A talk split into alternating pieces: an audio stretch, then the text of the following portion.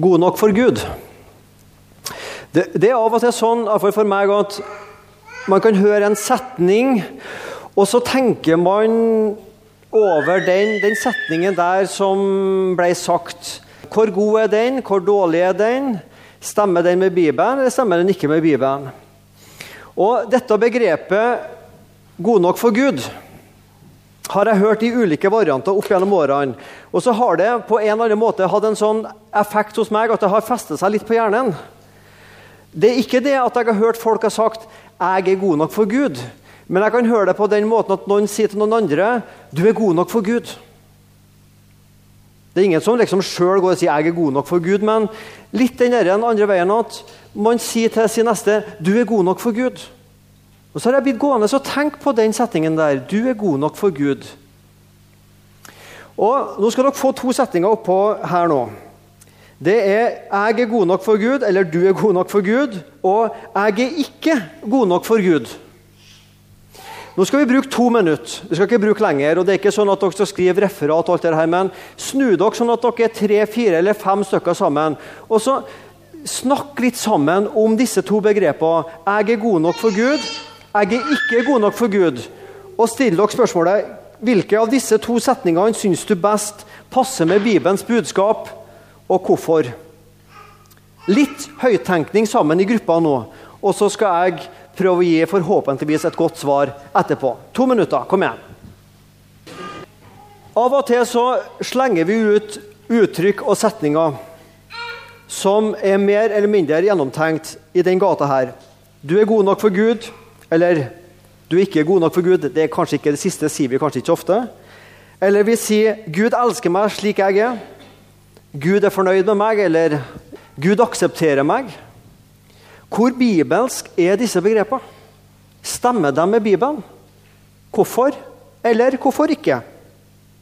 I dag skal du få bli med litt i en sånn, eh, ikke teologisk dybdedykk, men vi skal se litt på et tekstavsnitt fra Romerbrevet der Paulus snakker om mennesket og Gud. Gud han er hellig, han er fullkommen, han er ren, og han er uten synd. Og hvem vil og hvem kan Gud ha fellesskap med? Kan Gud ha fellesskap med den som ikke er som han? Hva skal til for at noe er godt nok for Gud? Det er jo det interessante spørsmålet her. God jeg er god nok for Gud. Ja, hva er godt nok for Gud? Er det det beste jeg får til? Eller hva er godt nok for Gud? Og i tilfelle, hvordan kan du og jeg bli gode nok for Gud? Hvis Gud har en standard for god nok, da vil jo spørsmålet bli hvordan kan du og jeg nå opp til den standarden og bli gode nok for Gud? Hvis det er det vi skal bli, da. Paulus han skriver mye i sine brev om følgende begrep. Synd, Nåde, loven, Guds rettferdighet. Ordet nåde hos Paulus brukes det 100 ganger. I resten av Nytestamentet så møter du begrepet nåde ca. 50 ganger.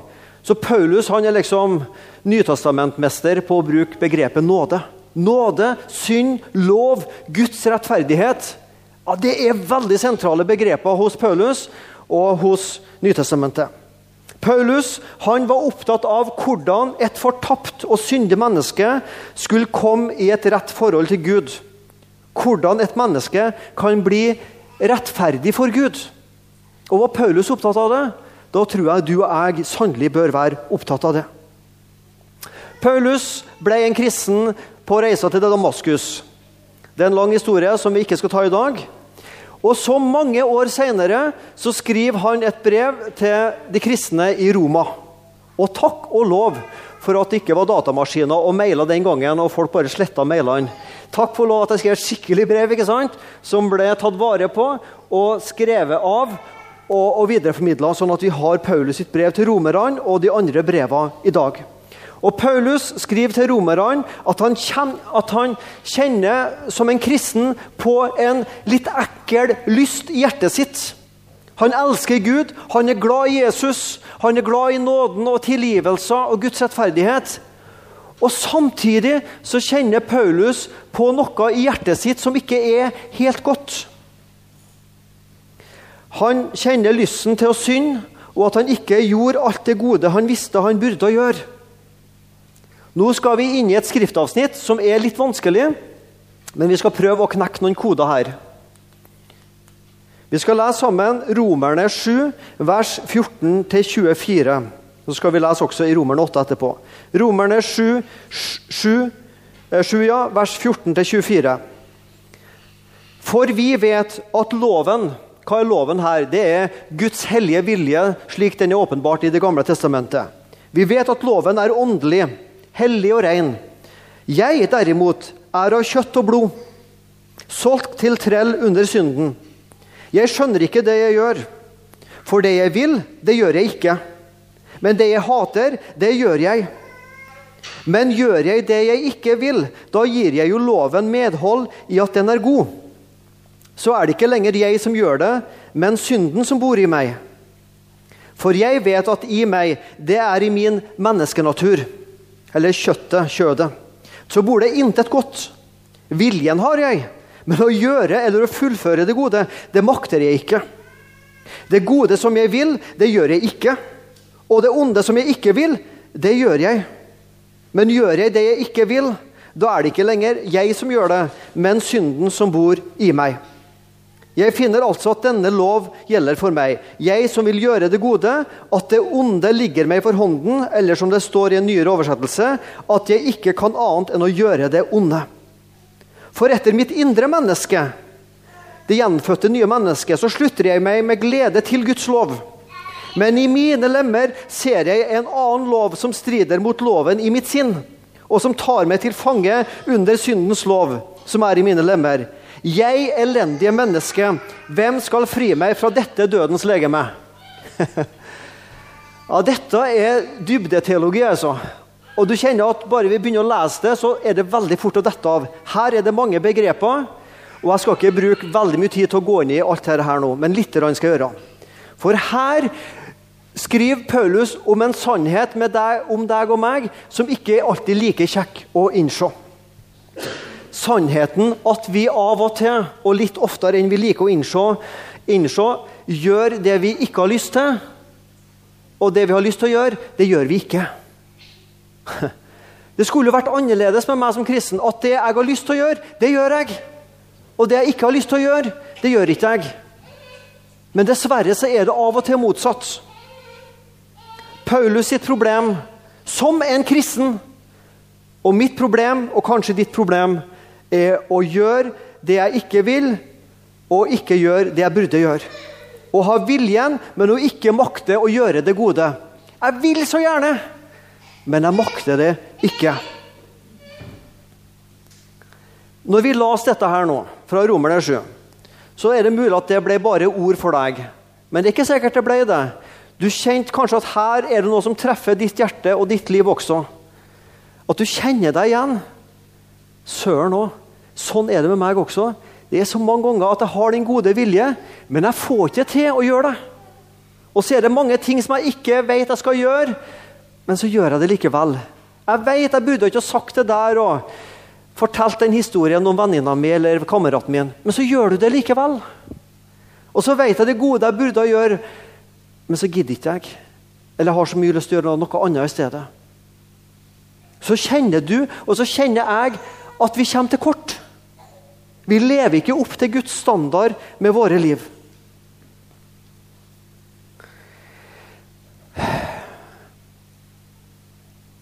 Å gjøre det jeg ikke vil, og ikke gjøre det jeg burde gjøre. Paulus skriver dette her sikkert som kring ca. 20 år etter han ble en kristen. Og jeg tenker med meg sjøl burde ikke Paulus ha kommet lenger? Burde ikke Paulus vært mye mer hellig og levd mye bedre?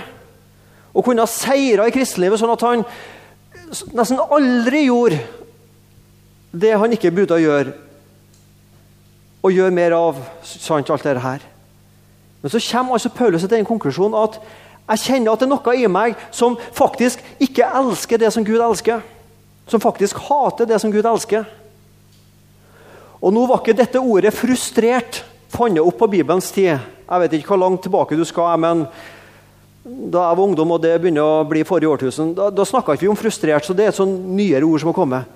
Men hvis det ordet var oppfunnet, så, så vil jeg tro at Paulus han var frustrert. Kjære folk, jeg som har levd som en kristen så lenge, hvorfor er ikke jeg kommet lenger i mitt kristenliv? Hvorfor opplever jeg ennå at jeg gjør det som jeg vet er gale? Og så lar jeg være å gjøre det som er rett. Hvorfor er ikke jeg kommet lenger? Og så var han frustrert. Og så kjente han på fordømmelser i eget hjerte i egen samvittighet. Meg, elendige menneske. Hvem skal fri meg fra dette dødens legeme, prega av synd? Hvordan tror du Paulus så på seg sjøl? Hvis du og jeg skulle ha rangert Det gjør vi jo selvfølgelig aldri sånn offisielt, men vi gjør det i tankene våre av og til. Laga oss en sånn ti på toppliste over kristne. Hvor høyt ville Paulus ha kommet? Jeg vil tro han ville kommet ganske langt høyt på lista. Sannsynligvis høyere enn de fleste av oss. Ja, Det tror jeg vi kan si. Paulus vil vi sette over oss. Levd mye mer hellig, mer hengitt til Kristus, ofra mer. Ja. Men Paulus han kjente også på noe i sitt hjerte som ikke var så bra. 1. Timoteus 1,15. Dette er et troverdig ord full verdt å motta, at Kristus Jesus kom for, til verden for å frelse syndere. Og blant dem er jeg den minste. Nei, står ikke. Blant dem er jeg den største, står det. Og Det tror ikke jeg Paulus sa for at han skulle prøve å virke veldig from. Jo, jeg er en stor synder. Nei, Jeg tror faktisk Paulus kjente på det. Av syndere så er jeg den største. Jeg har til, med, til og med vært med og drept kristne. Og Det har jo ingen av oss. Men Paulus kjente på det. Blant de troende, blant de kristne, så er jeg den største synderen. Jeg skal få et vers til der Paulus sier litt om sitt, hvordan han ser på seg sjøl. Efeserne 3,8. Til meg, den minste av alle de hellige, ble det nåde gitt å forkynne evangeliet. Til meg, den minste av de hellige. Og igjen, Jeg tror ikke Paulus skriver dette for å prøve å virke sånn veldig ydmyk og from men han mente det. Han kjente på det. Hvor god var egentlig Paulus? Jeg tror de fleste av oss ville ha satt Paulus ganske høyt på en rangstige. ikke sant? Paulus, Peter, Martin Luther, moder Teresa og en del andre. Og så kommer vi kanskje langt ned. Paulus satte seg nederst. Største av syndere. Var Paulus god? Jeg vet ikke. Hvor god er du egentlig? Altså, du og meg, hvor gode er vi egentlig? Har dere lyst til å være med på en liten test? Nå skal vi teste oss og finne ut hvor gode vi er. Skal vi gjøre det? Dette er litt gøy. altså. Nå skal jeg gå gjennom de ti bud for dere. Og så kan dere liksom på fingrene telle hvor mange bud har du klart å holde hele livet av de ti bud. Dette blir gøy, altså. Jeg mener det. Dette blir gøy. Hvor mange av de ti bud har du klart å holde hele livet? Så skal jeg gå gjennom buda og si litt om dem. veldig kort, Og så skal vi ha en opprekning til slutt. Så skal vi ha håndsopprekning hvor mange som har holdt så og så mange bud. Da må du holde tellinga sjøl, så skal jeg holde telling til meg. Du skal ikke ha andre guder enn meg. Så hvis du alltid har satt Gud først i ditt liv, når du våkner om morgenen, før du tenker på arbeid og tenker på mat, og hva du skal ha på deg som klær, så tenker du på Gud og ber til Han, og Gud alltid er først i livet ditt, så kan du telle det budet at det har du holdt hele livet. Hvis du har klart det hver dag hele livet ditt. ok? Og Så er det et bud som vi ikke har med i våre ti bud, men som, som er på en måte en forklaring til det første bud. Mens andre for har det med som et eget bud. Men i dag så skal vi ta med det budet. Du skal ikke lage deg gudebilder, ingen etterligning av noe som er oppe i himmelen, eller nede på jorden, eller i vannet under jorden. Så hvis du i ditt liv aldri har skåret ut et avgudsbilde, satt det foran deg, bøy deg for det og tilbe, det Gud, bildet der, så kan du regne dette budet at du har holdt det. Nå vet vi at det er mange ting vi kan tilbe som Gud i livet. Vi kan tilbe karrieren, andre mennesker, bilen vår. Det er mange ting vi kan liksom sette som Gud. Men i dag skal vi ikke regne det på den måten. Så hvis du aldri har skåret deg ut et bilde, satt det foran deg og bøyd det for deg, og tilbe det, så kan du regne det som et bud du har holdt hele livet. Jeg tror dere var glad for at jeg tok med akkurat det budet her i dag. ok, Neste bud. Du skal ikke misbruke Herren din Guds navn. Hvis du aldri i livet har brukt dette begrepet 'Å Herre Gud', eller sverga ved Guds ord, så kan du regne at det budet har du holdt hele livet. Holder du tellinga? Kom hviledagen i hu, så holder du den hellige. Hvis du gjennom hele ditt liv har satt av én dag i uka til bønn og til bibel og tilbedelse, og aldri hoppa over et møte i løpet av ei uke i hele ditt liv, så kan du telle det budet at det budet har du holdt i løpet av ditt liv. Du skal hedre din far og din mor, så du kan leve lenge i landet Herren din Gud gir deg. Hvis du som et lite barn alltid var lydig mot foreldrene dine og gjorde alltid som de sa, hvis du som voksen nå viser dine foreldre ære ved å ringe dem minst én gang i uka og oppmuntre dem og de tinga der, så kan du regne det som et bud du har holdt i løpet av ditt liv. Du skal ikke slå i hjel.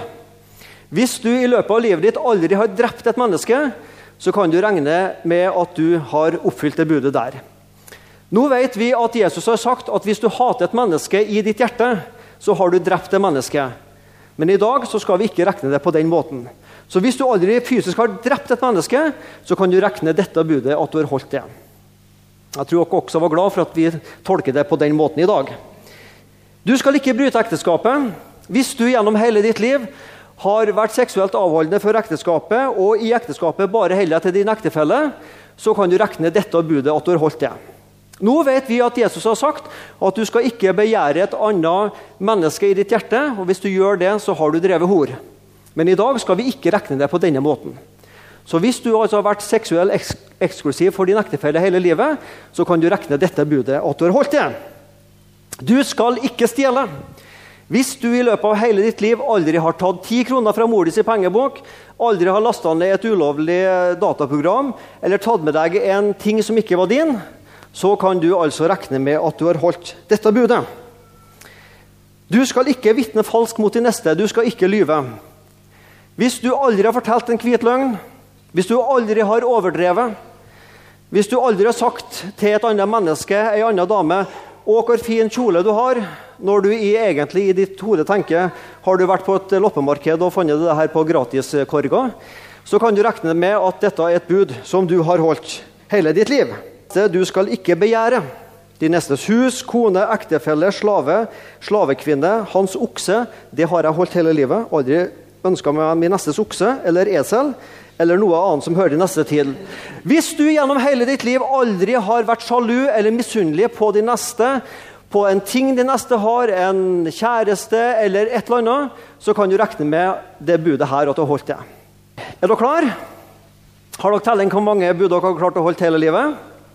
skal vi ha håndsopprekning. Dette blir gøy.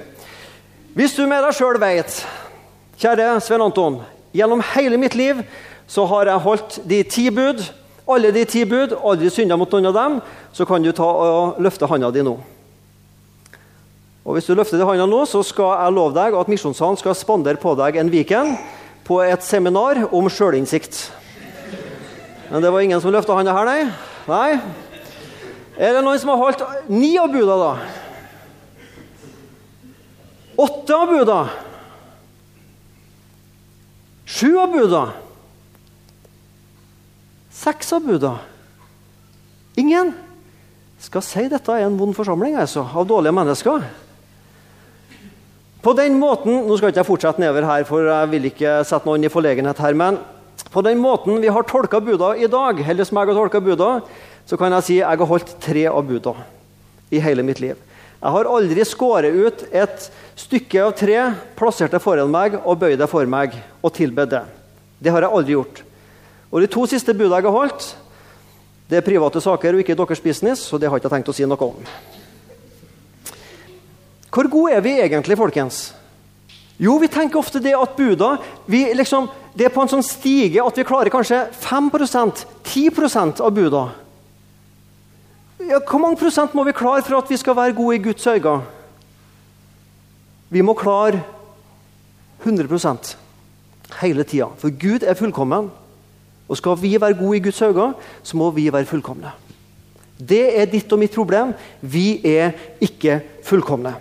Jeg har en da, dagens dårlige nyhet. Det skal komme en god nyhet etter hvert. Men jeg har en dårlig nyhet til dere, folkens. Du er ikke god nok for Gud. Beklager mot måtte men verken du eller meg er god nok for Gud. Det er dagens dårlige nyhet.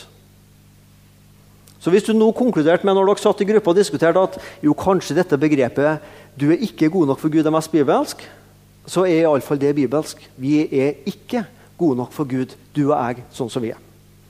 Men det kommer en god nyhet etter hvert, så hvis du holder våken, så skal du få med den. For vi, Paulus fortsetter vet du, i Romerne 7, har ett vers til, og så kommer tre herlige vers i Romerne 8. Vi leser sammen Romerne 7, 25, Romerne 8, 1-3. Gud, Paulus sier, husker du det, i vers 24? Hvem skal fri meg fra dette dødens menneske? Jeg, elendige menneske, synder, arm, syndig, skrøpelig menneske. Hvem skal fri meg fra dette? Jo, sier Paulus, Gud være takk ved Jesus Kristus, vår Herre.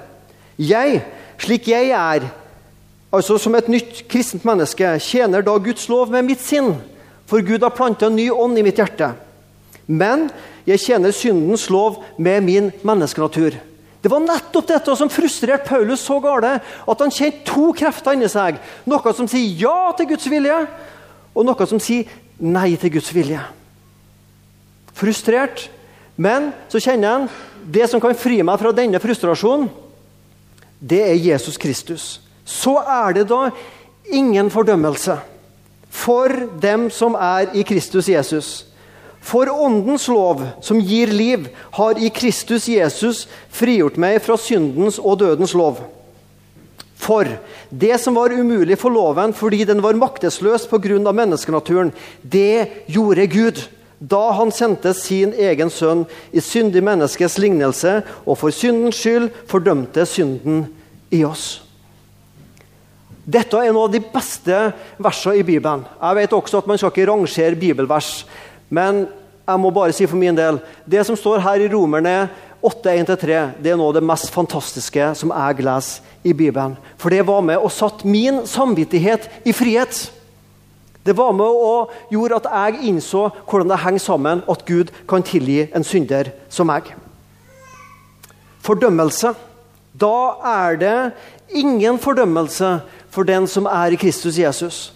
For i Romerne 7 så, så vi det at Paulus han kjente på fordømmelser. Jeg som har vært kristen i så mange år, jeg har Den hellige ånd, jeg er en kristen, jeg er en leder. Folk ser opp til meg. Og likevel så fortsetter jeg å gjøre ting som jeg ikke har lyst til. Og så gjør jeg ting som jeg vet at jeg egentlig ikke bør gjøre. Hvorfor er det sånn med meg? Og så kjente han fordømmelser i sin egen samvittighet. Og så kjenner vi av og til at andre fordømmer oss. Og så lurer vi på også om Gud fordømmer oss, for Gud fordømmer jo synd. Så fordømmer vi oss sjøl, så er det kanskje andre som fordømmer oss, og så fordømmer Guds ord oss som syndere. Hjelp! Men i Jesus Kristus så er det ingen fordømmelse. Hvorfor er det ingen fordømmelse i Jesus Kristus? Er du god nok for Gud? Er Jesus god nok for Gud? Er Jesus god nok for Gud? Selvfølgelig er han det. For Jesus er Gud. Gud ser ikke etter din og min godhet. Gud ser etter Jesu godhet. Det er ingen fordømmelse for den som er i den gode Jesus Kristus. Det som var umulig for loven fordi den var maktesløs pga. kjødet, den onde menneskenaturen Skal vi stoppe litt der? Så lurer dere på hva har det bildet her med det bibelverset der å gjøre. Dette er fra Trondheim, men det kunne vært sam, samme hvor det er fra. Dere ser vann, og så ser dere heisekran. Jeg var på besøk opp til Trondheim for et års tid siden, så tok jeg det bildet her. Og Så tenkte jeg det skal jeg bruke en gang i, som en illustrasjon. Den krana der, det er på gamle Trondheim verft. Den krana der den kan løfte 50 tonn, 100 tonn, jeg vet ikke. Men den kan løfte ganske mange tonn. Ved sida av krana så er det vann. Og Så tar du den krana der, kloa, og så tar du den kloa nedi vannet. Og så drar den krana opp. Hvor mye vann får den krana med? En dråpe? En, to, tre? Ti dråper? Hva vet jeg? Ja, men den krana som kan løfte 100 tonn, hvorfor makter ikke den å løfte mer enn to dråper vann? Fordi det ikke er hold i vannet. Skjønner du hva jeg skal hen? Gud tar sin hellige lov og dypper ned i et menneske og drar opp og får med seg ingenting. Fordi det ikke er hold i deg og meg. Det som var umulig for loven fordi loven var dårlig, fordi loven var halvveis Nei, loven er fullkommen. Fordi den var maktesløs pga. menneskenaturen. Fordi, for det er ikke noe hold i deg og meg, sånn at Gud kan løfte oss til himmelen ved hjelp av loven. Loven er hellig og god. Men problemet ligger ikke i loven, problemet ligger i deg, ditt og mitt hjerte. I din og min mangel på godhet. Der er vårt problem. Det er ikke hold i oss. Slik det ikke er hold i vannet til å løfte vann med ei kran. Det gjorde Gud. Det er, det, det er, det fineste tre ordet jeg vet i hele Bibelen. Det gjorde Gud. Det Guds lov ikke makta fordi Guds lov er maktesløs pga. deg og meg. Det gjorde Gud. Det makta Gud. Og hvordan makta Gud det? Jo, da han sendte sin egen sønn i syndig kjøds menneskelig lignelse for syndens skyld og fordømte synden i menneskenaturen. Det gjorde Gud. Der er evangeliet. Nå skal du få dagens gode nyhet. Du har sikkert allerede gjetta hva dagens gode nyhet er. Dagens dårlige nyhet det er at du ikke er god nok for Gud. Dagens gode nyhet er Jesus er god nok for Gud, og det er nok for Gud.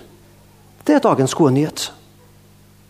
Det kommer ikke an på din og min godhet, det kommer an på Jesu godhet. Og det er nok for Gud. Og Da kan jeg si jeg er god nok når jeg er i Jesus Kristus. For da ser ikke Gud meg lenger, men han ser Jesus. Du har sikkert sett denne tegninga på barneleirer da du var yngre. Gud som en sånn trekant ikke sant, tegna. Så går det sånn Guds vredestråler ned. Og så er korset, og så får du og jeg være under korset. Så går Guds vredestråler forbi oss fordi vi er skjult i korset. Det er ikke din og min godhet det kommer an på, folkens. Men det er fordi Jesus er god, så er det nok for Gud. Og da er jeg god nok for Gud når jeg er i Jesus Kristus. Det er dagens gode nyhet. Men nå, sier Paulus i Romerne 3, 21-23, men nå er Guds rettferdighet, som loven og profetene vitner om, blitt åpenbart uavhengig av loven. Dette er Guds rettferdighet, som gis ved troen på Jesus Kristus til alle som tror. Halleluja. Her er det ingen forskjell. Alle har syndet og mangler Guds herlighet, men ufortjent, av Hans nåde, blir de kjent, erklært rettferdige, frikjøpt i Kristus Jesus. Det som loven ikke makter, og det som kan skape frustrasjoner for deg og meg fordi vi ikke strekker til overfor Gud, det gjorde Gud. Han gjorde det ved å sende Jesus. Kanskje du tenker dette som jeg preker om nå, det er barnelærdom. Ja, det er det. Det er barnelærdom, folkens. Men jeg kjenner for min del at jeg trenger av og til å komme tilbake til disse tingene og lande der og kjenne Det er ikke min godhet. Det er ikke min åndelighet. Det er ikke min mer eller mindre vellykka framgang i troslivet det kommer an på. Det kommer an på Jesus, og at jeg er i Jesus Kristus. Og Da kjenner jeg, da kan jeg senke skuldrene. Det er ikke alltid jeg lykkes i min helliggjørelse og mitt trosliv. Og det er ikke alltid du gjør det heller. Og Hvis du og jeg skal være ærlige med oss sjøl, så blir vi av og til mer enn frustrert over når vi kjenner denne kampen inni oss mellom de gode kreftene og de vonde kreftene. Mellom det som drar til Jesus, som vi ikke alltid vil og gjør, og det som drar den andre veien, som vi litt for ofte gjør og gir etter for. Men den frustrasjonen skal ikke gjøre at du skal miste motet og at du skal tenke nei, det er ikke noe håp for meg som kristen. Nei, Du skal tenke selvfølgelig et håp for meg, for jeg er i Jesus Kristus. Det er ikke min godhet det kommer an på, det er Kristu godhet.